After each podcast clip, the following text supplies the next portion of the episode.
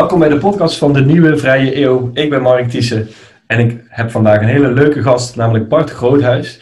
Hij is sinds een jaar, of bijna een jaar, namens Nederland en de VVD lid van het Europees Parlement in Brussel. Alhoewel het volgens mij de laatste tijd niet uh, heel vaak letterlijk in Brussel was, vanwege alle coronarestricties. En uh, Bart is mij persoonlijk en volgens mij ook veel andere mensen opgevallen tijdens de coronacrisis, omdat echt uh, zeker in die beginperiode mij opviel dat hij de ogen op de bal hield. Hè, terwijl alles in chaos uh, uh, zat in ons land en daarbuiten, lette hij heel goed op hoe andere mogelijkheden op ons reageerden. Wat doet China in Europa of met Europa in zo'n moeilijke tijd? proberen ze er stiekem wat winst uit te halen? wat is er gaande op het gebied van desinformatie? En wat doet ook zo'n crisis met geopolitieke verhoudingen? Dat zijn allemaal onderwerpen waar Bart al jaren mee bezig is. En sinds dit jaar dus ook namens Nederland uh, in het Europees Parlement.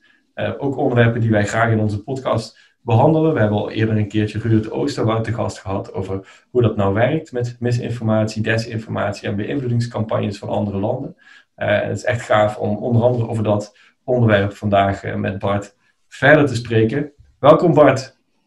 Hi Mark, fijn uh, dat ik hier bij jullie mag zijn. Great to be here. Pleasure to be here, zeggen de Amerikanen. Ja, ja, ja. ja. We hoeven dit maar in één taal te doen, hè? want ik snap dat jij in het Europees Parlement natuurlijk, wat is het? Hoeveel talen hebben we daar? Uh, hoeveel tolken zitten daar gemiddeld? Zeg of dertien? Nou, de, Fra de, de Fransen hebben geprobeerd om het Engels eruit te drukken, maar toen kwamen ze erachter dat in Ierland en Malta nog Engels werd gesproken. Dus we hebben Engels nog, nog als ah, voertaal. Ja, ja, ja. Nee, dat, en, en, en dat niemand Frans spreekt, kwamen ze ook achter uh, ineens, waarschijnlijk. Hoe Zo is het. Hoe is het met jou Frans? Dat is dan misschien een leuke vraag. Ik heb twee jaar lang Frans gehad toen ik bij Defensie werkte. Toen was ik met computers bezig en toen zei ik tegen mijn chef, ik zeg van ik wil graag Frans uh, studeren. Iedere vrijdag twee uur lang. En toen zei hij, dat heeft niks met computers te maken. En toen zei ik precies, dat is precies de reden. Want uh, je moet soms je hersens even weer nieuw programmeren. Een nieuwe taal leren is gewoon heel gezond om het af en toe te doen. Dus mijn Frans is best aardig, maar uh, beter passief dan actief. Maar ik, ik, ik vijzel het weer op. Ik heb ooit in het, in het Europees Parlement mogen werken als mijn, mijn eerste betaalde baan. En ik weet ook dat je daar gratis uh, cursussen Frans, en eigenlijk alle lidstaten, uh, alle talen van alle lidstaten, kon je daar een cursus volgen. Dus wie weet kun je het nog een beetje gaan opkrikken zo daar. Zo is het. Maar ik heb Limburgse schoonfamilie, ik leer nu eerst Limburgs. Ah, en als jij, want jij bent volgens mij ook verhuisd naar Maastricht en dan, ja... Ja, die verhuizing die is volgende week, dus ik kijk er erg naar, naar uit. Hey, wat mensen niet weten, Bart, natuurlijk, is, is dat wat wij hier doen vanavond zo'n beetje het partijkartel in, uh, in werking is. Hè? Want ik heb jou leren kennen in, ik geloof 2006 of 2007, toen ik stage ging lopen bij de VVD in de Tweede Kamer. En ja. ik, mocht, ik mocht daar stage gaan lopen voor, voor Henk Kamp. En jij werkte destijds voor Henk Kamp. Dat was denk ik jouw eerste baan. En jij was een soort van mijn, mijn begeleider daar en mocht mij ja, welkom heten in de wondere wereld van, van de politiek. ik vind het heel leuk om elkaar dan zo weer hier uh, tijdens de opname van deze podcast te zien. Dus kijken, ja, eens kijken of we nog steeds urenlang over Gerard Reven kunnen praten. en dan nog meer mensen daarmee kunnen vervelen als dat we toen al deden. Het zou mooi zijn. Zo is het, dat doe ik altijd Ik zal proberen nog een paar Reven-quotes te verwerken vandaag. Ja, ja, ja ik, ik, ik had niet anders verwacht. Ik had niet anders verwacht. Bart, je zit nu sinds, even kijken, februari, of nee, januari in het Europees ja. Parlement? We hebben 11 februari jongsleden geïnstalleerd in Straatsburg. En uh, ja, dat, dat, ging natuurlijk op 11 maart, of 9 maart ging het mis met, uh, met corona. Dus ben ik op gelimiteerde basis in Brussel geweest. Maar ik heb wel hard gewerkt en ik zit er dus nu een, ja, een maand of acht in. En, en na een maand ging alles al dicht natuurlijk. Dus je hebt een hele rare start gehad, denk ik. Ja, het was bijzonder. Maar kijk, wat al heel snel gebeurde was dat die dat, dat, dat bedrijven natuurlijk op hun gat gingen liggen. En dat ik zag van, uh, nou ja, ik, ik, ik, ik heb elf jaar bij Defensie gewerkt. En ik heb uh, de afgelopen jaar de, opkomst van China bekeken via militair en economisch en vooral digitaal cyberperspectief. En uh, ik dacht van, nou weet je, dat is misschien wel goed om voor te waarschuwen. Om daar eens van leer te trekken. En dat bleek ook wel een schot in de roos. Dus ik heb een aantal keren gewaarschuwd over, van pas op voor overnames. Nou, dat is echt hot aan het worden nu. Maar dat, waarschuwde, dus waarschuwde ik voor in ma maart en april. Uh, ik heb gewaarschuwd voor desinformatiecampagnes rondom COVID en hoe de Chinezen dat doen via het United Front Working Department. Dat is een vehikel. Dat werd eigenlijk nog niet benoemd in Brussel. Niemand was daarmee bezig. En uh, zo leek me dat wel aardig om te benoemen. Dat, dat is eigenlijk wel, uh, dat bevalt me eigenlijk wel daar. Ja, ja, ja. En, want het, het is eigenlijk best uitzonderlijk volgens mij dat een, een politicus, als hij lid wordt van een parlement, vrijwel meteen de onderwerpen kan gaan doen waar hij ook daarvoor mee bezig was, toch? Vaak krijg je een, een portefeuille die maar dat niet is in helemaal aansluit. Ja. Ja, maar dat is in Brussel vrij gebruikelijk. Maar kijk, wat, wat, wat er is, is uh, je, je, krijgt een dossier als je het goed doet, als je, je snapt. En wat je onderhandelt hè, met andere partijen over een tekst of over wetgeving. En je doet dat namens een fractie. En die fractie zegt alleen maar van, dan moet je wel de materie machtig zijn. Dus als je inhoudelijk gewoon geen kaas gegeten hebt van een onderwerp en alleen op hoofdlijnen een beetje meebabbelt, ja, dan behartig je de belangen niet van die groep. En de belangen zijn groot, dus je moet verstand hebben. En bij onze fractie is het zo dat je Jan uh, Huytema hebt, die weet heel, die is zelf boer, die weet ontzettend veel van milieu en boer. Nou, Liesje Schijnmacher, oud-advocaat, oud-politiek assistent, weet heel veel uh, van kunstmatige intelligentie en alle juridische aansprakelijkheid. Caroline Nachtegaal, gewerkt in de haven van Rotterdam. Schiphol, weet heel veel over transport en ook over economie. Malik natuurlijk, Asmani, weet heel veel over migratie en ook buitenlandse zaken. En zo hebben we die portefeuilles heel natuurlijk kunnen verdelen. En krijgen wij gewoon de portefeuilles waar we gewoon goed in zijn. Omdat we laten zien dat we daar goed in zijn. Ik bemoei me dan ook niet heel veel met andere portefeuilles waar ik minder goed in ben. Daar, daar ben ik ook eerlijk over. Ja, ja en, en hou je dan wel nog, want je hebt dan het voordeel dat je inderdaad in zo'n tijd uh, uh, als nieuwe Europarlementariër wel meteen eigenlijk weet waar je moet gaan letten. Maar het nadeel lijkt mij dat je, dat je uh, nooit echt dan mensen hebt die een frisse blik kunnen brengen op een bepaald onderwerp. Hè, die de distantie, een beetje de afstand kunnen nemen en kunnen kijken naar iets en kunnen zeggen van hoe, wat gebeurt hier nou eigenlijk. Ja, mag ik daar een korte reflectie op geven? Kijk, je hebt volgens mij een aantal soorten Europarlementariërs. Je hebt bijvoorbeeld, wat ik dan noemde, de burgemeester uit Zuid-Italië of Andalusië. En die heeft 40, 50.000 voorkeurstemmen, omdat iedereen hem lokaal kent. Houdt zich bezig met structuur- en cohesiefondsen en dat is prima.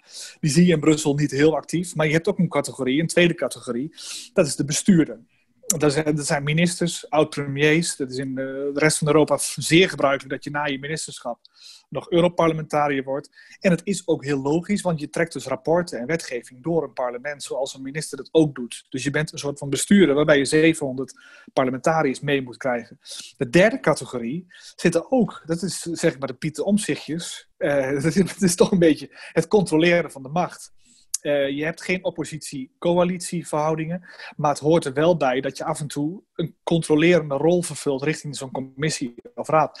En ook die rol heb je te vervullen. En wat, wat het, aardige is hiervan, je moet een mengeling zien te vinden van al die drie rollen. En dus je moet het allemaal in je hebben. En uh, dat wordt ook allemaal getraind en van je verwacht. En uh, je, je, kunt heel veel leren van mensen om je heen. En ik vind het onwijs leuk om dat allemaal te doen. Is, het is wat breder en wat inhoudelijker, denk ik, dan Den Haag.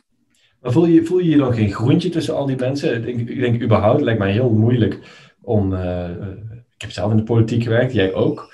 Maar dan werk je altijd als een soort van hè, nou, adviseur aan, aan, de, aan, de, ja, aan de buitenkant. Jij staat nu centraal als parlementariër. Hè? Het lijkt me ontzettend moeilijk om, om je aan die rol aan te moeten passen. Hoe, hoe heb je dat gedaan of hoe doe je dat? Ik heb zelf de neiging om uh, heel erg op de inhoud te storten en minder op politieke spel. En ik weet er heel weinig van, uh, van, van allerlei poppetjes en zo. En uh, in Brussel word je dan gewaardeerd. Dus als je met commissie en raad in overleg treedt, dan ben je daar, als je inhoudelijk van, van de hoed aan de rand weet, je bent goed voorbereid, dan krijg je applaus. En daar hou ik van. Dus ik ben. Ik probeer daarop te richten. Ja, als je goed je best doet, dan krijg je applaus. En zo niet, dan word je niet meer gevraagd. Ja, ja, ja. En, en dat, die rol bevalt me. Het beeld wat bestaat van het Europarlement is natuurlijk dat het een soort uh, heel ver van de burger afstaand, bijna ondemocratisch uh, uh, orgaan is, hè, waar mensen de hele dag ja, wat, zitten te vergaderen over, over bananen. maar in de praktijk is mijn ervaring dat het wel best wel een machtig instrument is inmiddels. Maar er zitten zoveel mensen dat het mij nooit helemaal duidelijk is geworden hoe je nou ook zelf als Europarlementariër invloedrijk kan zijn. Hè? Want ja, je bent niet de enige die daar zit. Uh, heb je dat al een beetje kunnen afkijken van iemand? Wat zijn nou dingen, hè? los van dat je op de inhoud natuurlijk sterk moet zijn. Maar ja, hoe focus. je in die vijf jaar echt kan, echt kan ja, iets binnen kan halen, zeg maar. Ja, je moet dus echt focus hebben. Je moet blijven terugkomen op punten die je graag wil realiseren. En die komen vaak in verschillende gedaantes komen ze voorbij. Dus ik bijvoorbeeld heb campagne gevoerd op uh, cyber en op uh, digitalisering, op digitale transformatie en geopolitiek. En op die onderwerpen wil ik wat doen. En als je keer op keer je hand opsteekt, dan krijg je keer op keer dossiers daarop en dan kun je wat doen. Maar je moet dus niet denken van, hé, hey, weet je, het is ook wel interessant, laat ik dat eens bij doen. Ehm, dus je moet een beetje proberen om, om, om je in een bepaald hokje te, duwen, te laten duwen. Want er zijn 700 parlementariërs. En het is niet zo dat al die 700 uh, ja, uh, invloedrijk kunnen zijn. Zo werkt het niet. Maar er zijn er ook veel. Uh, ja, die, die hebben die behoefte ook niet, maar ik wel. Ja, ja, ja. ja het, ik denk, als ik dat zo hoor, is het echt wel anders dan in Den Haag, waar je vaak, nou, zo toch wel één, in de, één, één keer in de twee jaar switcht, switcht van onderwerp. Hè? Dus je hebt ook vaak niet de tijd om echt te, te focussen. Um, dus eigenlijk Kijk, is dat wel een goede plek voor jou. Het is wel zo. Kijk, ik heb bijvoorbeeld een, ik, ik heb twee commissies. Dus de eerste is de industrie, technologie, research and development en energiecommissie. Er zit ook cyber onder. Dat is heel breed. De tweede commissie is security and defense onder de buitenlandse zakencommissie dat gaat eigenlijk van geopolitiek dus richting digitalisering, richting industriepolitiek, richting energiepolitiek en afhankelijkheid. Dat gaat richting China. En je kunt het zo breed niet uh, Nu is recent is er een nieuwe commissie opgericht in het parlement. En het gaat over desinformatie, buitenlandse beïnvloeding, spionage en cyber. Nou, daar heb ik me een beetje op geprofileerd binnen die fractie. En uh, er waren heel veel mensen die het wilden, maar ik zit er wel op. En nu is er dus een onderhandelaar was er nodig vorige week, die namens de liberalen dan een tekst onderhandelt. En uh, tot mijn grote geluk uh, hebben ze mij ook verkozen dat ik dat mag doen. Maar dat moet je dus gegund worden. En zo kun je dus ook gewoon het komende jaar kan ik daar dus gewoon continu kan ik daar focus op hebben op, op, die, op die de, dossiers. En dat gaat dus van cyber tot spionage tot desinformatie. Zalig. En, en hoe zorg je er dan voor dat uh, op zo'n onderwerp ook de rest van de, van de fractie uit al die verschillende landen en al die verschillende partijen, uh, met vaak ook toch verschillende meningen, uh, dat ze met jou meegaan?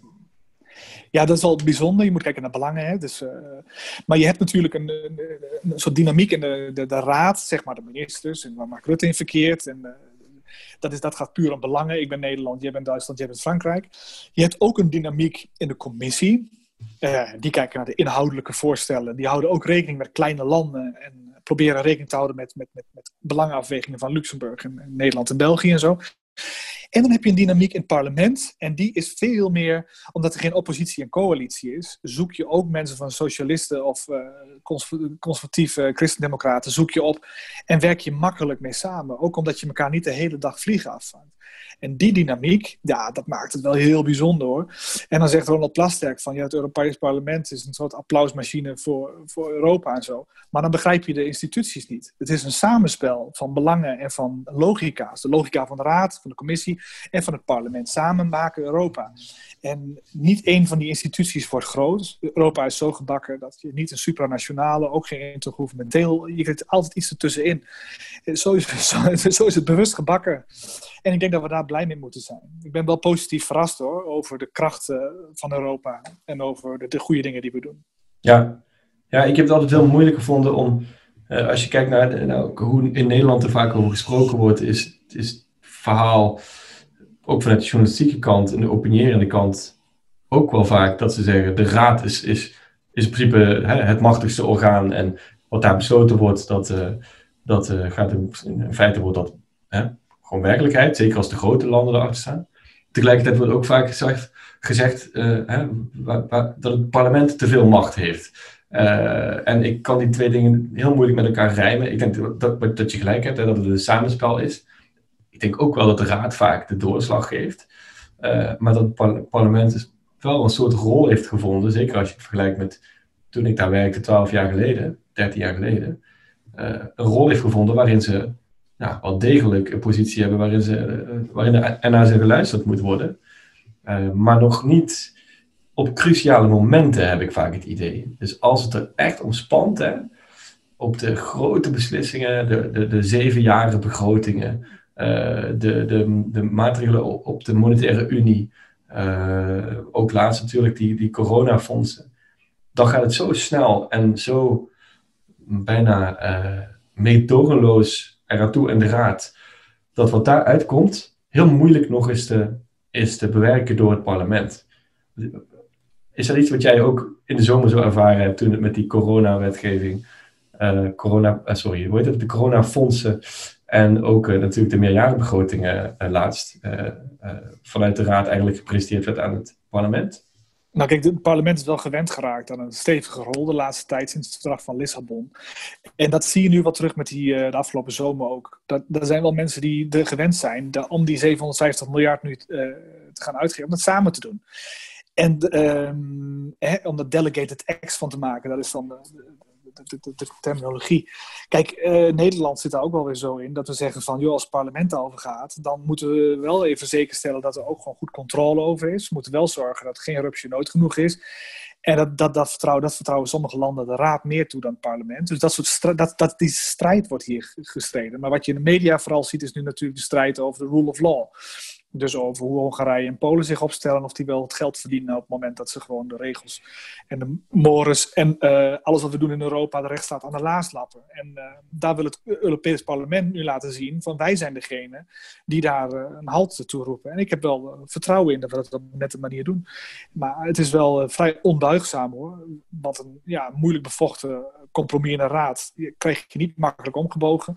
Maar ik zie collega's in het parlement daar vol vuur voor strijden. We zullen zien hoe het afloopt. Maar heb er wel goed vertrouwen in hoor, dat we daar een uh, goed resultaat halen. Ja, ja, ja. ja, het is in ieder geval een mega interessante uh, omgeving vind ik uh, om te werken. Ik denk dat het vaak nog wel eens in Nederland over het hoofd gezien wordt hoe daar echt politiek bedreven wordt. En, en, mijn ervaring is dat daar meer politiek bedreven wordt dan dat het in, in de Tweede Kamer in Den Haag gebeurt. Dus als je van politiek houdt, een soort van de Game of Thrones variant, dan kan je beter in Brussel zitten dan, dan, in Den Haag, is mijn ervaring. En jij doet een van de dingen die ik echt het allerinteressantst vind, uh, die nu in de wereld spelen. En uh, ook iets waar, ja, wat volgens mij gaat bepalen hoe wij over 30 jaar ons leven leiden. Hè? En hoe onze kinderen dan uh, hun kinderen misschien moeten, moeten gaan, ofwel moeten gaan opvoeden in een wereld die er niet zo leuk uitziet, of in een wereld die er gewoon wel prima uitziet. En dat is onze omgang met aan de ene kant opkomende technologieën die zeer ontwrichtend kunnen werken. En aan de andere kant het verschuiven van de geopolitieke verhoudingen en hoe die technologieën ook gebruikt kunnen worden uh, in die geopolitieke verhoudingen. En uh, voorbeeld daarvan is natuurlijk uh, de bekende beïnvloeding van Rusland in Amerikaanse verkiezingen, maar het gaat veel en veel dieper dan dat. nou, jij bent zelf wel, nog wel eens verbaasd in het voorgesprek met wat, ja, wat nieuwe informatie over wat er zo al, allemaal gebeurt. Kan je een, schets geven van waarom dat jouw interesse zo heeft en wat de belangrijkste uh, ontwikkelingen en uitdagingen volgens jou zijn? Kijk, ik heb de afgelopen elf jaar bij Defensie gewerkt, waarvan de afgelopen zeven jaar als uh, hoofd cybersecurity.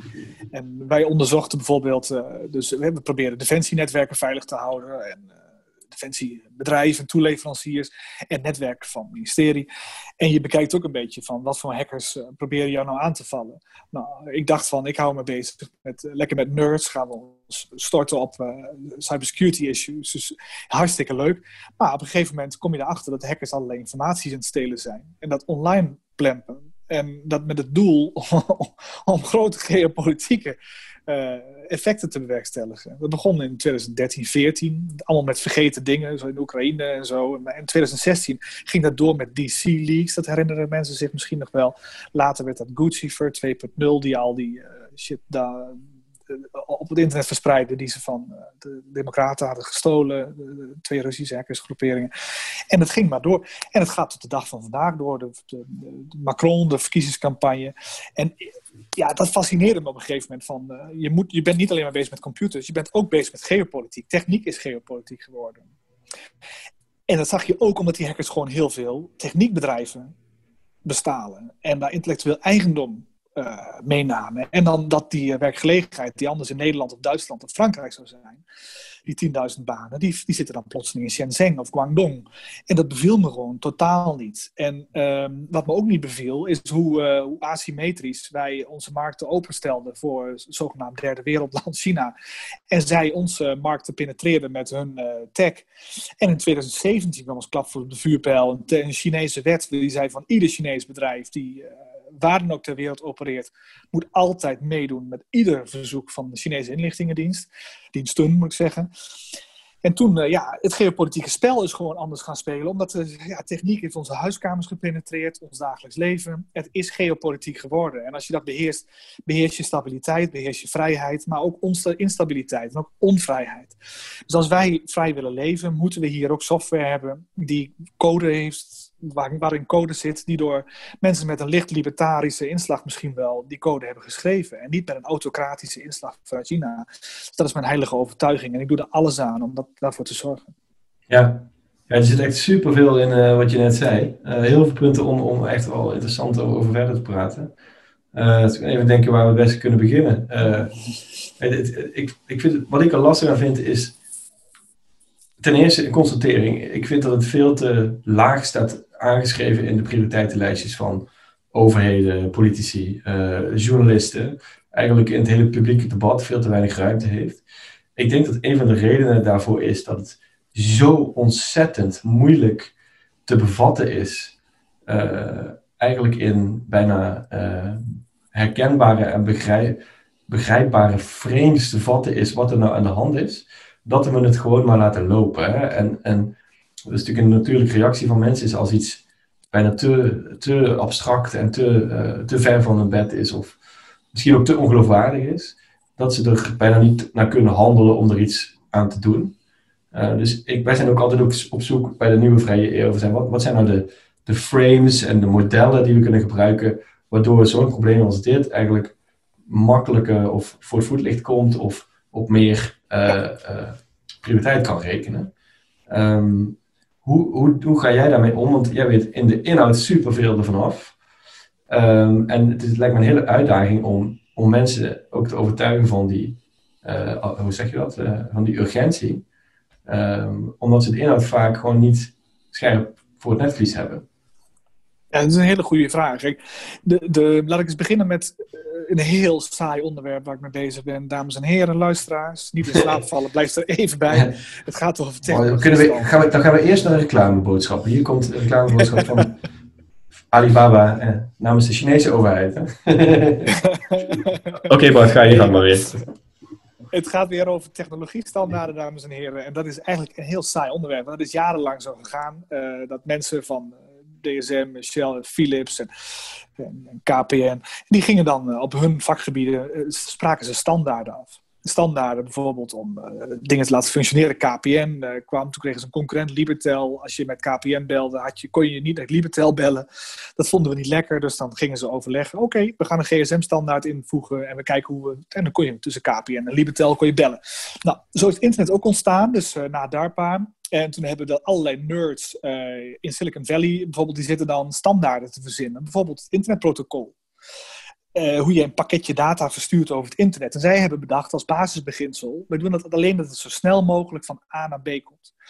En het kan wel een lange route hebben als het maar zo snel mogelijk is. En een router, uh, de, de, backbone, de BGP-routers op het internet, de, de, de Border Gate Protocol eh, router, die, die, en doen maar één ding. Die kijken alleen maar hoe kan ik zo snel mogelijk pakketjes van A naar B brengen. Die code, die standaard, dat betekent een vrij internet irrespective, onafhankelijk van de inhoud, kun je gewoon pakketjes data versturen. Dat betekent vrijheid, dat betekent een standaard.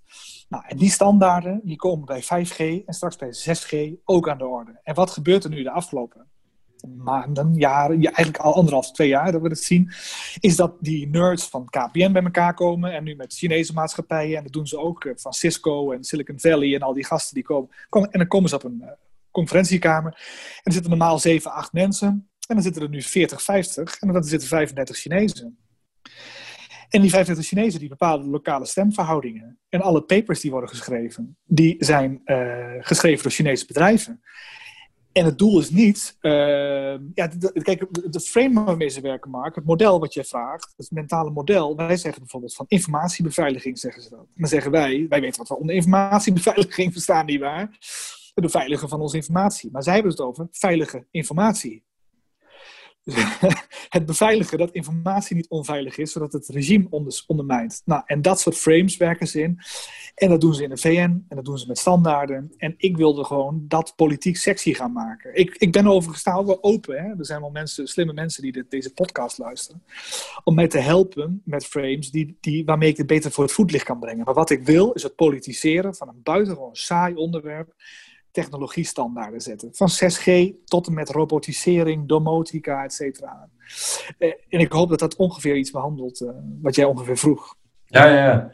Ja, het is, ik denk, en als ik jou hoor praten, is een van de problemen natuurlijk dat die technologie waar we het over hebben, dat die dat we die zo makkelijk gebruiken alsof het ademen is. Hè? Dus ik pak mijn telefoon vaker vast dan, dan mijn stoelleuning en dat, dat ik een boek vastpak of een vork. En het is allemaal zo vanzelfsprekend dat het bijna niet mogelijk is om er in termen over na te denken dat er gevaar in schuilt of zo. Hè? En, en ja, nee, dat is... Eh, eh, neem een telecom, telecom provider. Dat wordt, je gaat naar 5G toe, dus hartstikke snel. En wifi schakelen we allemaal uit, daar hebben we het net ook over. En dan uh, gaat het er even om, wie beheerst de kern van je telecomnetwerk? Je, je, hebt gewoon, je bent baas over de data, je bent baas over alles.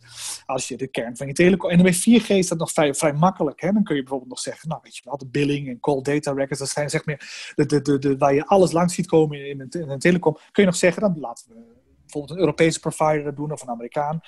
En uh, voor de rest prikken we gewoon een Huawei-antenne in en dan kunnen we in dat gebied kunnen we dan prima kunnen we 4G doen. Maar in 5G heb je gewoon een ander ding. Dan wordt alles gevirtualiseerd, virtuele software uh, virtuele hardware. Dat betekent gewoon dat je één provider hebt die eigenlijk je hele dienstverlening van A tot Z breed uh, geeft. En dat betekent de winner takes all, dat, dat zo'n partij gewoon eigenlijk ja, je, je, je, telecom beheerst. En dat, dat is gewoon een onderdeel van geopolitiek geworden. Die heeft data, controle over je data.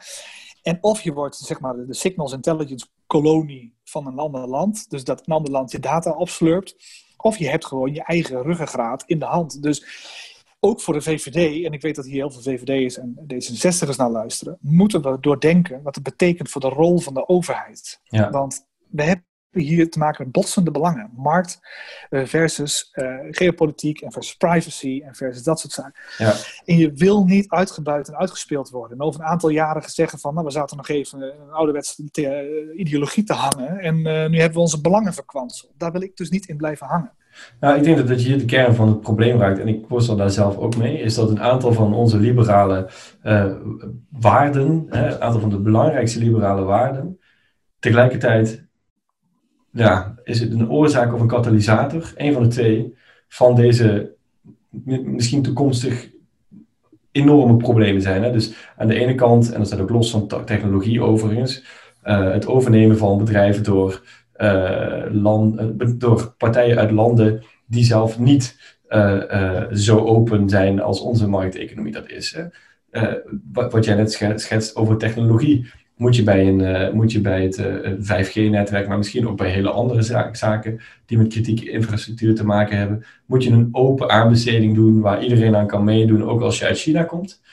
Eh, omdat je nou eenmaal een vrije liberale markteconomie bent? Of moet je rekening gaan houden met wat het op termijn voor je veiligheid betekent uh, als je het weggeeft aan een partij uit een land als China? Bijna, bijna ja, in alle eerlijkheid, uh, bij mij gaan alle alarmbellen op rood.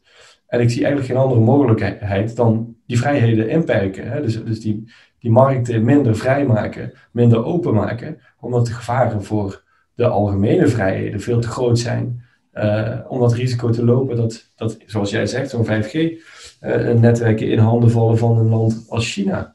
Dat, moet je toch, dat is toch op de lange termijn een enorm risico. Ik, ik zat te denken aan het boek um, uh, Sleepwalkers van Christopher Clark.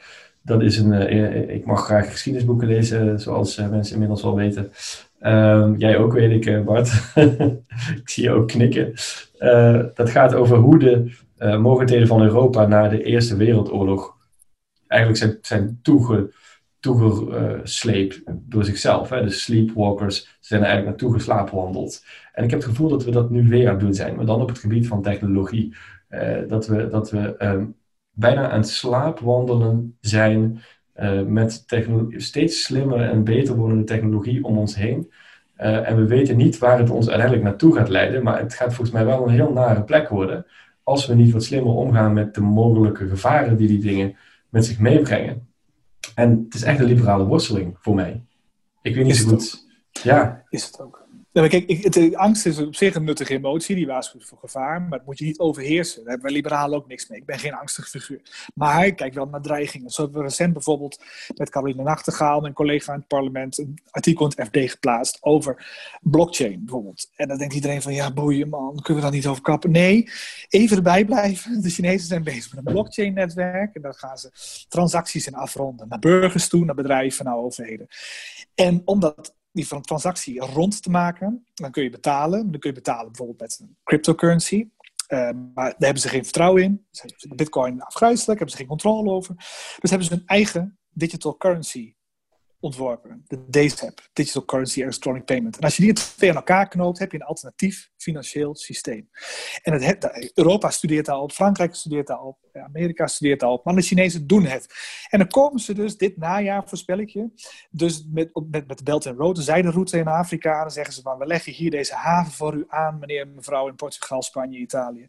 En dat gaan we even voor, elkaar maken in de blockchain. En we programmeren het contract in een smart contract, in een blockchain. En we rekenen even af in een DCEP, in de Chinese digital currency. En nu vraag ik aan jou, Mark, wat betekent dat? Volgens mij is dat hier een financieel alternatief financieel monetair stelsel. En daar waarschuwen wij voor in Financieel Dagblad.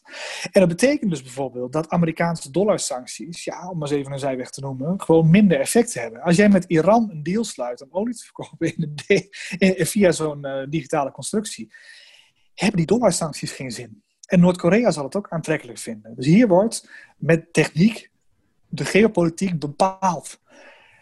Nog een laatste opmerking over wat je net zei over mentale modellen wat, voor, wat stelt Europa er nou tegenover? Nou, daar hebben we de Fransen natuurlijk voor. De Fransen zijn de enige geopolitieke denkers in Europa die nog over zijn gebleven.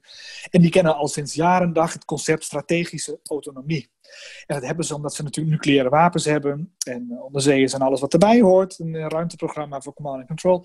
En die willen altijd zelf kunnen beslissen over de hele wereld. En het zijpelt door in een diplomatie, een militair, buitenlandbeleid, ook een economisch beleid. En dat snappen wij als Nederlanders absoluut niet.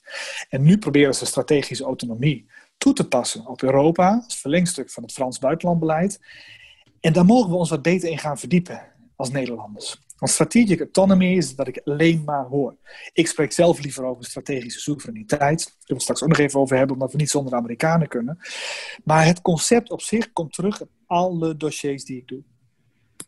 Ja, ja ik, ik vind het een heel interessante uh, model, strategische autonomie. Ik denk. Uh, dus, maar de vraag is dan, hoe kan het dat Frankrijk het enige land is in Europa dat daar nog mee bezig is? Omdat ze nucleaire wapens hebben gemaakt. Dat is de enige reden. Zij zijn als enige in staat om zelfstandig zich zelfstandig te beschermen. Alle andere 76 lidstaten kunnen zich militair niet beschermen en zijn afhankelijk van de Amerikanen en zijn niet, afhankelijk, zijn niet onafhankelijk in hun besluitvorming. Is dan uiteindelijk, want eh, in principe is het geopolitieke denken echt verdwenen uit, de, uit Europa, hè, op ja. lidstaatniveau, maar ook op, op het niveau van de Europese Unie zelf. Uh, ik ben een groot voorstander van dat dat, dat terugkeert. Maar het is wel een interessante vraag om na te denken waarom het in de eerste plaats verdwenen is. En als ik het een beetje proef, ga je nou woorden in de mond leggen hoor, maar is de, de militaire paraplu die wij altijd hebben uh, genoten sinds de Tweede Wereldoorlog, daarvan misschien wel een van de redenen, hè, de Amerikaanse bescherming in de vorm van de NAVO, dat we niet meer gedwongen worden om na te denken over onze eigen veiligheid. En zo is het. En we zijn uh, tegen de kernwapentaak. We hebben geen idee dan wat er in Kaliningrad staat opgesteld op dit moment. En dat conventionele en tactische nucleaire wapens tegen ons staan opgesteld. En dat je in de Russische nucleaire doctrine ziet dat er niet alleen vanaf een, kruisraket, een kruisraket wordt afgevuurd, maar ook bijvoorbeeld van de kaliberklasse van een commercieel, van een commercial vessel kan een, kan een, kan een, kan nucleair uh, raket worden afgevuurd op Europa. We hebben geen idee meer dat het allemaal gebeurt. En we moeten het wel doordenken. Recent waren de Duitsers uh, voornemens om een, uh, een twijfel om een Amerikaanse F-18 te kopen, een gevechtsvliegtuig, of een Frans toestel. En toen hebben de Fransen gezegd: koop toch maar het Amerikaanse toestel, beste Duitse vrienden. En weet je waarom? Het Amerikaanse toestel kon nucleaire wapens dragen en het Franse toestel niet. dat is omdat de, de, de, de Fransen willen dat de Duitsers geopolitiek strategisch kunnen blijven nadenken. En dat kan enkel uh, als je hier niet uh, zeg maar op, op, op verantwoordelijkheidsvakantie gaat. Want ja, de wereld is er niet bepaald fraaier op geworden. Als je kijkt hoe de Russische krijgsmacht zich de afgelopen tien jaar heeft ontwikkeld, dan schrik ik daar zeer, zeer, zeer, ja. Ja, en zeer agressief. De Chinezen die zowat iedere maand een, uh, evenveel marineschepen bouwen als dat Nederland heeft, volgens mij.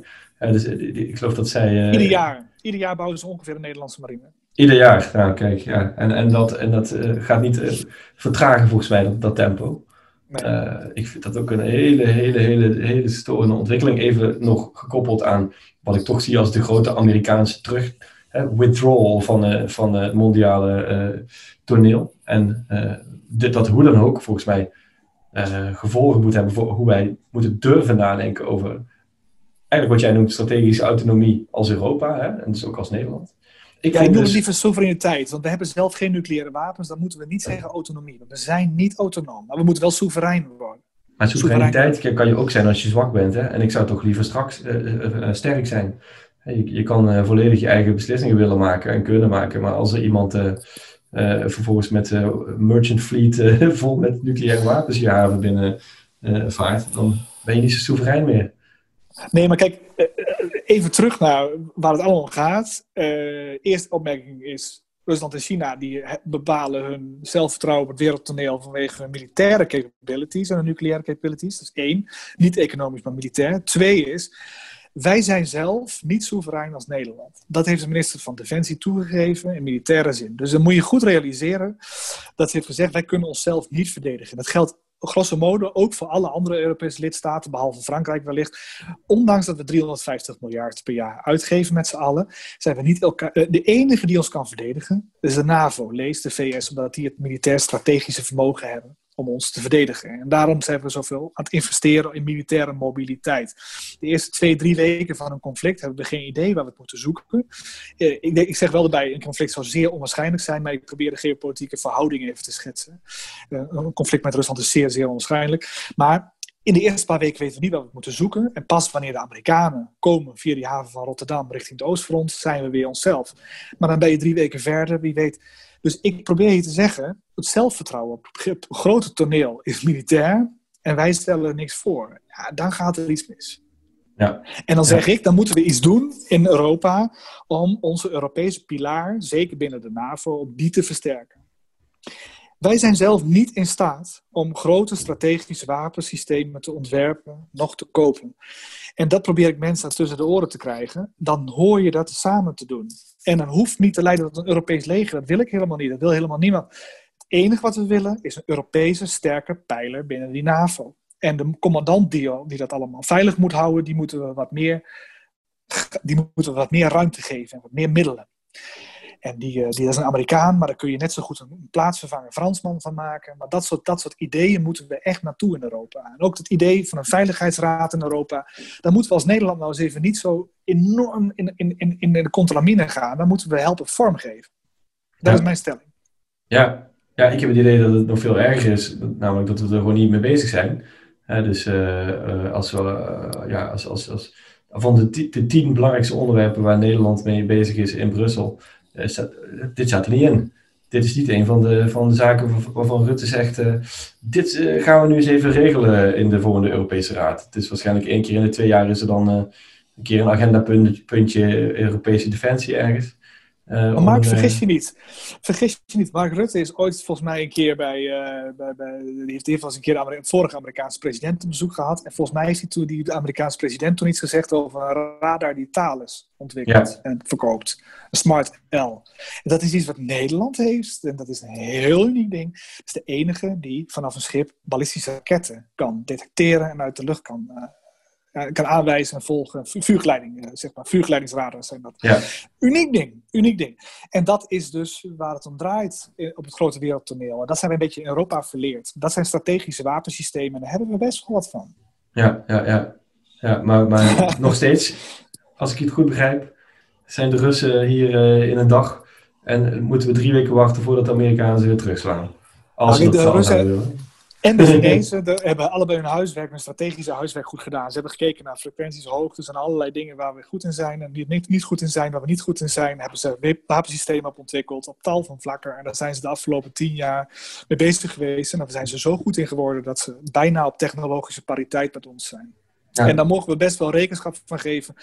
Uh, ik weet de militaire inlichtingendienst bijvoorbeeld in 2018, dat schreven ze in zijn jaarverslag. En ik herinner me dat op de pagina 7 van de Telegraaf een klein interviewtje stond. Geen enkele krant gaf daar aanleiding toe om, om daar verder over te discussiëren. En dat begrijp ik niet. Ja, we kunnen onszelf niet verdedigen, we zijn niet soeverein. En dan zeggen ze van ja, maar ik wil soevereiniteit behouden om eh, alles in te zetten. En ik wil als Nederland gaan over mijn eigen wapensysteem. En dan zeg ik, waarom zouden we dat niet afstaan? Dan word je tenminste weer soeverein om jezelf te verdedigen. Ja, dat is, eh, dat is, dat is helemaal waar volgens mij. Maar kijk, ook hier weer is een van de problemen. Je noemde het zelf eh, net, uh, Europese leger. Dat is het frame wat vaak naar boven komt. Hè? Ook, ja, vreselijk Ja, maar ook in de VVD. Ik, je zei net, niemand is voor een Europees leger. Nou, dat, dat, ik zou er nog wel voorstander van zijn. Hè, maar je moet meteen gaan praten over wat je er dan mee bedoelt. Hè, want het is natuurlijk niet wat, wat mensen vaak denken dat het, dat betekent.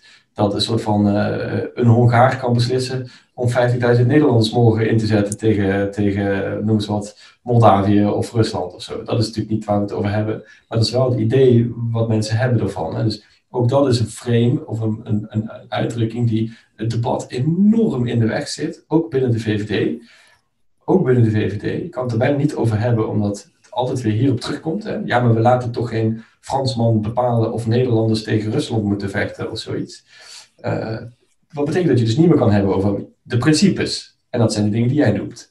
Namelijk, je moet je eigen soevereiniteit kunnen garanderen met een eigen veiligheidsapparaat. Wat uh, in ieder geval in staat is om een klap uit te delen als, als het nodig is. En dus ook hier moet je gaan zoeken naar andere modellen en andere frames om te praten over wat je eigenlijk wilt. En ik, zie het, ik zie het, wat er mist, is gewoon die klap, die, die, die mogelijkheid om een klap uit te delen. En volgens mij moet je ook in die termen erover gaan nadenken en praten. Hè? Dus niet meer over Europees leger, maar gewoon een Europese vuist moet je hebben.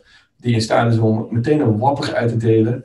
Uh, op het moment dat iemand uh, een streek met je wil, wil uithalen. En nu is dat niet, niet zo. En dat is gewoon. Ja, gister, gisteren was dat misschien oké. maar morgen al niet meer, denk ik. En, uh, maar dit is wel interessant, want dit is precies natuurlijk uh, die combinatie van onderwerpen die jij doet. Hè? Dus aan de ene kant die technologische kant, aan de andere kant geopolitiek en defensie. Waar volgens mij de komende 10 tot 20 jaar echt enorme, enorme, uh, bijna schokkende, schokkende veranderingen op zullen plaatsvinden. En um, ik weet niet, um, heb jij die, heb jij die, uh, uh, die documentaire gezien over The Social Dilemma? die nu op Netflix te zien is? Het spijt me. Ik was echt, ik was echt het, gaat, het gaat over, over met name de tech-giganten en de invloed van die tech op onze, op onze levens. Uh, ik moet zeggen dat ik het best wel goed, vind, goed vond, omdat juist daarin ook gesproken werd over hoe je eigenlijk langzaam de grip op de werkelijkheid kwijtraakt. Hè? En nog een laatste ding wat ik graag met jou daarover wilde bespreken is hoe landen als China en Rusland, maar waarschijnlijk ook andere landen, omgaan met het beïnvloeden van onze samenlevingen en onze democratieën. Iets wat we natuurlijk in de Verenigde Staten al gezien hebben, wat hier in Europa ook is voorgekomen.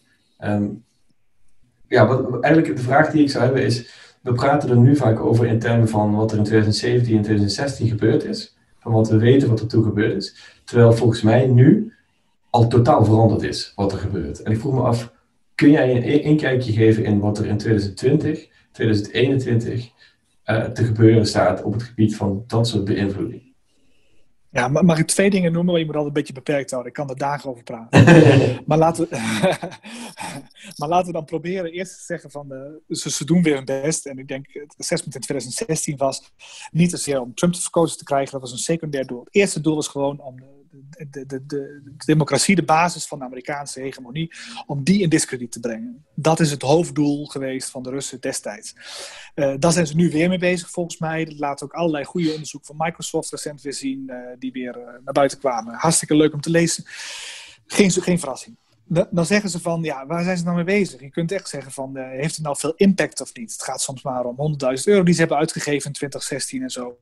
Om welke doelgroep gaat het nou eigenlijk? Hoeveel impact heeft het op de gemiddelde burger? Nou, misschien is het helemaal wel zo dat die gemiddelde burger wel niet helemaal een doelgroep is.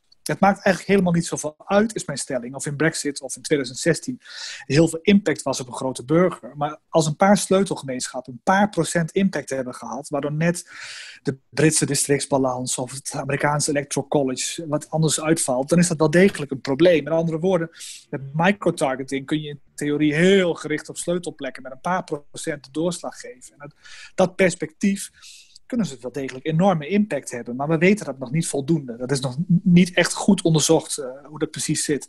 Maar ik, ik stel vast dat Facebook vandaag, na 14 jaar, uh, vorige week, eindelijk beleid maakt op, uh, op verkiezingen, hoe ze ermee omgaan. Ze gaan nu echt hele positieve stappen zetten. Dat in tegenstelling tot de trend van de 2020-2021, daar vroeg je naar. Het tweede wat ik wil zeggen. TikTok. Mag ik één, één dingetje? Facebook? Oh ja, ja. Geloof je dat? Ja, ik vind het wel heel goed. Kijk, ik kan heel veel afgeven op Facebook, maar ik vind dit heel goed. Ze hebben bijvoorbeeld uh, holocaustontkenning, uh, pakken ze aan. Ze pakken nu, ze, ze, proberen fotoregistration op gang te krijgen. ze halen kanon deels, deels offline. Het is allemaal veel te laat. Dus zelfregulering, na 14 jaar kun je zeggen van, heeft niet echt gewerkt. Het zal echt iets meer moeten komen dan dit. Maar ik vind het wel een goede stap. Ik zou willen dat andere platforms Facebook volgen. Jij niet? Nou, ik vind, het, uh, ik vind dat ze uh, aan uh, doen. Het probleem is namelijk niet dat er wat Facebook, zijn op, op Facebookgroepen zijn over QAnon, of dat er Facebookgroepen zijn waarin over de Holocaust gepraat wordt. Het probleem is dat het Facebook-algoritme dat soort crap uitlegt naar mensen en het veel groter maakt dan het zou zijn als je het gewoon met een, met een we zeggen, iets minder op haat en angst gericht algoritme zou eh, eh, zou inrichten. Dus, en datzelfde geldt voor Twitter, die ook al eerder vorig jaar hebben aangekondigd dat ze geen politieke advertenties meer toestaan. Uh, Google ik, ook. Ik vind het echt, eerlijk gezegd, ik vind het echt onoprecht tot in, de, tot in de, puntjes van de tenen. Want ook op Twitter gaat het niet om politieke advertenties die het probleem zijn. Het gaat om het algoritme dat mensen tegen elkaar laat opzetten. Dat je tweets laat zien die je boos maken. Eh, dat toestaat dat bots het netwerk overspoelen. Anonieme accounts alleen maar haat en, en woede erop kunnen zetten. Dat is het probleem van die platformen. En wat zij nu doen, is eigenlijk hun eigen shit voor een deeltje opruimen, terwijl de oorzaak ervan nemen ze niet weg. En dat het niet transparant is. En dat het niet gereguleerd is. Kijk, dus, ik, dus ik eh, geloof ze niet. Ik geloof ze niet. Ik vind ze, ik vind ze onbetrouwbaar. Dus de, de, kerngedachte is hier, uh, even terug tot de kern net, van gaat het nu echt om, buiten alle frames om. Uh, het is onderdeel van de publieke ruimte geworden. Wij bepalen op onze stem met de verkiezingen op basis van wat we Facebook of Twitter lezen, of weet ik veel wat. En dat betekent dus dat dat onderdeel van je publieke ruimte is. En dan kun je wel zeggen, het is een privaat bedrijf en die mag het allemaal zelf beslissen. Ik ben er dus erg voor dat er wel enige vorm van regulering komt. Die publieke ruimte hoor je gewoon te reguleren, zo simpel is het. de Fransen doen het overigens best aardig met verkiezingen, moet ik zeggen. Ja. Dus we begonnen de aflevering even hè, met, met, met die Franse verkiezingen die toen, uh, de, hele de Russische, de Russen hadden toen het campagneteam van Macron gehackt, toen gedumpt uh, online, dat hij allerlei drugs had besteld en zo. Had geen enkel effect. Nee. Geen enkel effect. Omdat de Fransen dus wetgeving daarvoor hebben, daar zijn ze immuun voor. Je mag daar geen campagne meer voeren op social media vlak voor die verkiezing. Ja. Oh, maar een nieuwe trend trouwens, zullen we het daar nog even over hebben, over TikTok. Ja, ja, ja, ja. Nee, persoonlijk ben ik niet echt een groot fan van TikTok. Maar... Nee, ik ook niet. Ik ben er te oud voor, Mart. Ik ben er veel te oud voor. ik denk dat dat de trend gaat worden met deze verkiezingen. het punt is, dat stellen we pas in 2021 of zo vast. Kijk, het is van 45 miljoen gebruikers. Ze moeten opereren onder die structuren van ByteDance, hè, dat is de Chinese maatschappij. Maar die content, die is natuurlijk visueel. In, in 2016 was het natuurlijk Facebook en Twitter. En nu hebben ze dus gewoon filmpjes. En dat maakt het technisch ook een stuk moeilijker om toezicht te houden. En ze moeten echt beginnen vanaf nul. Dus Facebook na 14 jaar heeft nu measures genomen, maatregelen. Maar die andere platformen die hebben het allemaal uh, steeds meer geregeld. Maar ja, voor TikTok wordt het allemaal uh, behoorlijk nieuw. En ik zie TikTok nog niet makkelijk ingaan tegen het Chinese moederbedrijf. En tegen overheidsverzoeken. En uh, nou, we weten dat ze liever Trump hebben dan Biden. Uh, dus wie, wie, weet wat voor effect dat heeft op de verkiezingen in 2020 daar. Ja. Maar goed, Instagram vind ik ook zo'n probleem, dat die ook visueel zijn. En naar mijn indruk, ja, ik heb er veel naar gezocht, echt vrij los opereren naar Facebook als het gaat om toezicht houden op misinformatie. En die zitten echt los van Facebook uh, maatregelen te nemen. Dus ik denk dat Instagram en TikTok de, de belangrijkste vehikels worden van de Russen en de Chinezen de komende weken. Ja, ja ik ben benieuwd. Dit is heel interessant om in de gaten te houden. Eigenlijk moet ik nu even TikTok downloaden en dan op wat... Uh... Nee, nee, nee, nee, nee, nee. nee, nee, nee. Oh ja, dat mag natuurlijk niet voor jou. Ja, ik, als we het er toch over hebben, één ding waar ik heel bang voor ben, uh, ik mag het woord bang niet meer gebruiken van je, maar waar ik uh, geïnteresseerd in ben, is waar, ik, waar we het ook met Ruud Oosterwoud over hadden, dat, dat je tegenwoordig veel makkelijker, nou, laat ik zo zeggen, dat, dat AI tegenwoordig in staat is om twee dingen te doen, namelijk gewoon random foto's genereren vanuit niks. Hè, van mensen. Dus eh, je kan in principe, AI kan in een seconde uh, 100.000 uh, profielfoto's aanmaken van mensen die niet bestaan. Op basis van, uh, van, hun, uh, van hun modellen van alle foto's die helemaal op het net staan. dus je kan zo, een, een, waar je bij zeg maar, twee jaar geleden nog kon kijken. Je hebt een profiel van iemand, die heeft een foto. We gooien hem door een scan. Staat die ergens anders op Google? Dit is een fake account. Dat kan niet meer. Het zijn gewoon eigenlijk allemaal nep foto's. Eh, het tweede is, AI kan uh, middels door heel veel tekstanalyse te doen van bestaande tweets, maar ook van bestaande boeken, van artikelen, kunnen ze zelf social copy content genereren, hè, dus teksten genereren. Dus die combinatie van factoren betekent dus dat je, als iemand wil, en die, die technologie is, is ver genoeg gevorderd, met één druk op de knop, een miljoen berichten, van elkaar verschillende berichten, over een bepaald onderwerp, met misschien fake news erin of iets anders, op 1 miljoen verschillende persoonlijke accounts van niet bestaande mensen met niet verifieerbare echte foto's kan uitsturen in een verkiezing. Dat is toch een nucleaire bom op je democratie. Ja, ik denk dat het meevalt, Mark. Je kunt echt wel uh, een, een, een, gefabriceerde foto van thispersondoesnotexist.com voor de luisteraars. Typ het eens in. Heel ja, interessant. Ja, dat is die site. Ja, en uh, dan kun je bijvoorbeeld, zijn er meer, maar dan kun je bijvoorbeeld best wel waarnemen op basis van de metadata van zo'n foto, of wat ja. gefabriceerde foto's of niet. Nou, dat wordt ook gedaan. Facebook doet daar op spoor, die spoort het op. En dat is een kat-en-muisspel, want dan passen ze de foto weer beter aan, ze ja. niet detecteren. Dat, daar zijn we nu mee bezig. En die algoritmes om het te detecteren worden dus ook steeds beter wil ik het maar mee zeggen. Maar eh, nog even een belangrijke trend. Maar dat is natuurlijk het punt, is dat het vandaag zo is.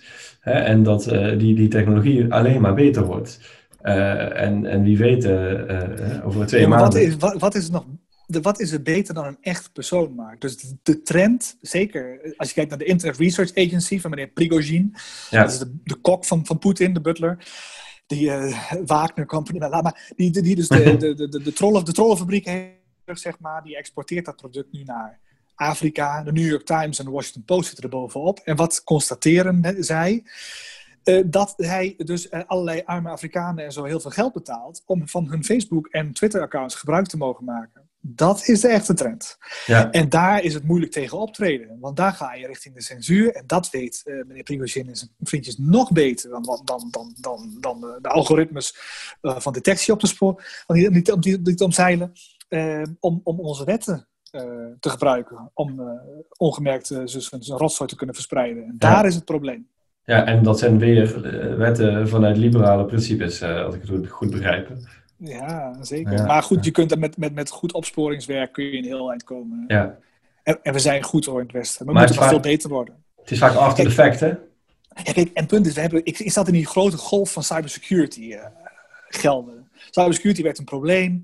En we kregen plotseling heel veel geld, steeds meer geld. En het was heel fijn, we kon heel veel mensen aannemen. En maar die golf moeten we nu gaan krijgen voor desinformatie. Want wat ik vind, wat ik, wat ik het leuke vind aan Facebook de laatste tijd, is dat ze zeggen van we hebben weer een Russisch bot, we hebben weer een Chinees-Iraans bot opgerold. En dan staat er vaak als allerlaatste zin, oh ja, dit was dankzij een lopend onderzoek van de FBI. Ja. En dan denk ik, wat goed. Dus ik heb recent in het Europees Parlement gevraagd, waar blijven de Europese veiligheidsdiensten? Die horen ook uit lopende onderzoeken gevoelige data richting Facebook te geven. Rol de rotzooi op. En dat is een manier van werken die zijn we niet gewend. Ik heb het meeste jaarverslagen van Europese veiligheidsdiensten nageslagen. En meestal vermelden ze dat soort successen wel. Nou, 0% scoren, Mark. Ja. En daar, daar moet Europa, en dan bedoel ik al die individuele diensten, moeten uit lopende onderzoeken informatie geven aan Facebook en aan alle andere platforms. Want dat is het punt. Wacht nog dan kijk ik bijvoorbeeld weer, krijg ik een rapport van Facebook. En dan krijg je los daarvan een rapport van Twitter. Maar wat ik ook wil, is dat er onderzocht wordt hoe op Twitter, Facebook, Reddit, Instagram, TikTok en op websites en op Sputnik en op Russia Today het geheel aan effect is. En wat er nu aan, waar het nu aan ontbreekt, zijn ook gewoon onderzoekers. kijk, ik zou vragen, als ik in Haag zat, om twee wekelijkse rapportages. Ja. Ik, ik zit niet in Den Haag, maar ik, vraag, ik, ik, ik krijg het in Brussel, dus ik ben niet uh, aan het zeuren. In Brussel krijgen we dat. Ja. Goede rapportages ik over. Ik weet niet of er nog een Kamerlid aan het luisteren is op dit moment. We zitten laat in de uitzending. Ja, dat is een hele goede Kamerlid. Nee, maar ik, een van de beste Kamerleden hier is Jan Middendorp. Die doet fantastisch werk hier. En die eh, houdt ook uh, de regering heel scherp. Daar ben ik echt fan van. Die doet echt heel goed. Ja, ja. ja. En, en um, ja, het moet langzaam aan afronden. Maar ik vind het heel jammer, want het, het is super interessant. Het is precies, ik zou je net zoals jij dagen over de dood kunnen praten. Misschien moeten we er een soort van uh, terugkerend, terugkerende roadshow van maken. Zo eens in de zoveel maanden even inchecken bij jou. Kijken waar je allemaal mee bezig bent. En dan is er alleen maar één, is maar één verbeterpunt eigenlijk. als ik dat toch even een beetje kritiek mag hebben, Bart. En dat is dat ik de, de, niet heb opgemerkt. tijdens uh, dit gesprek. Ja. dus ik geef, je, ik geef je de kans om nu, nu, dan toch nog af te sluiten met een hele mooie Greviaanse uithaal. Ja, zuster Immaculata, die al 34 jaar oude mensen was en verschoond, zal nooit haar naam vermeld zien. Maar iedere ongewassen aap die met een bord dat hij voor dit of tegen dat het verkeer verspert, ziet s'avonds reeds zijn smoel op de tv. Toch goed dat er een God is. Zeker. Voor de zusters in Roermond, toch? Was het, uh... Ja, de zusters van Liefde in Weert. Oh, in Weert, in Weert, in Weert. Ja. Het gaat eigenlijk over social media, heb ik gehoord, dit, dit, dit bericht. Maar hij was een tijd ver vooruit. Dit gaat over boerroepers op het corona, over corona-boerroepers op het Binnenhof. Ja, precies. Zou ik dit willen zeggen. Tegen, vijf, tegen vijf Dit is actueler dan ooit. Hè? Ik bedoel, de mensen die nu in de zorg werken, die verdienen dit gedicht. Ja, ja, nee, ik heb het een paar weken, nee, ik denk een paar maanden geleden heb ik het eens een keertje op Twitter gezet, toevallig. Deze. Goed zo. Ja, en dat werd uh, gretig gedeeld. Uh, dit past goed bij de tijdsgeest, inderdaad. Hey Bart, super gaaf man, dankjewel. En um, ja, ik hoop dat je snel ook weer gewoon naar, naar Brussel kan om in het parlement zelf uh, aan het werk te gaan. Ja, en zoals ik al zei, ik hoop dat, dat we dit nog wel een keertje, een keertje in de toekomst ook met jou mogen doen om even in te checken. Als, Thanks, op, op, de, op de smeulende puinhopen van de Amerikaanse democratie misschien. Dat is dan nog wel interessant. De Amerikanen blijven onze belangrijkste bondgenoten en daar strijd ik voor, hoe dan ook. Ach, dan heb ik dat zo weten te, te voorkomen dat je dat zou zeggen in deze uitzending. het is wel zo. Ja, ja. ja, ja, ja, Strategische, strategische autonomie. Super. Hart, het gaat je wel. Dank jullie wel voor het luisteren en uh, tot de volgende keer.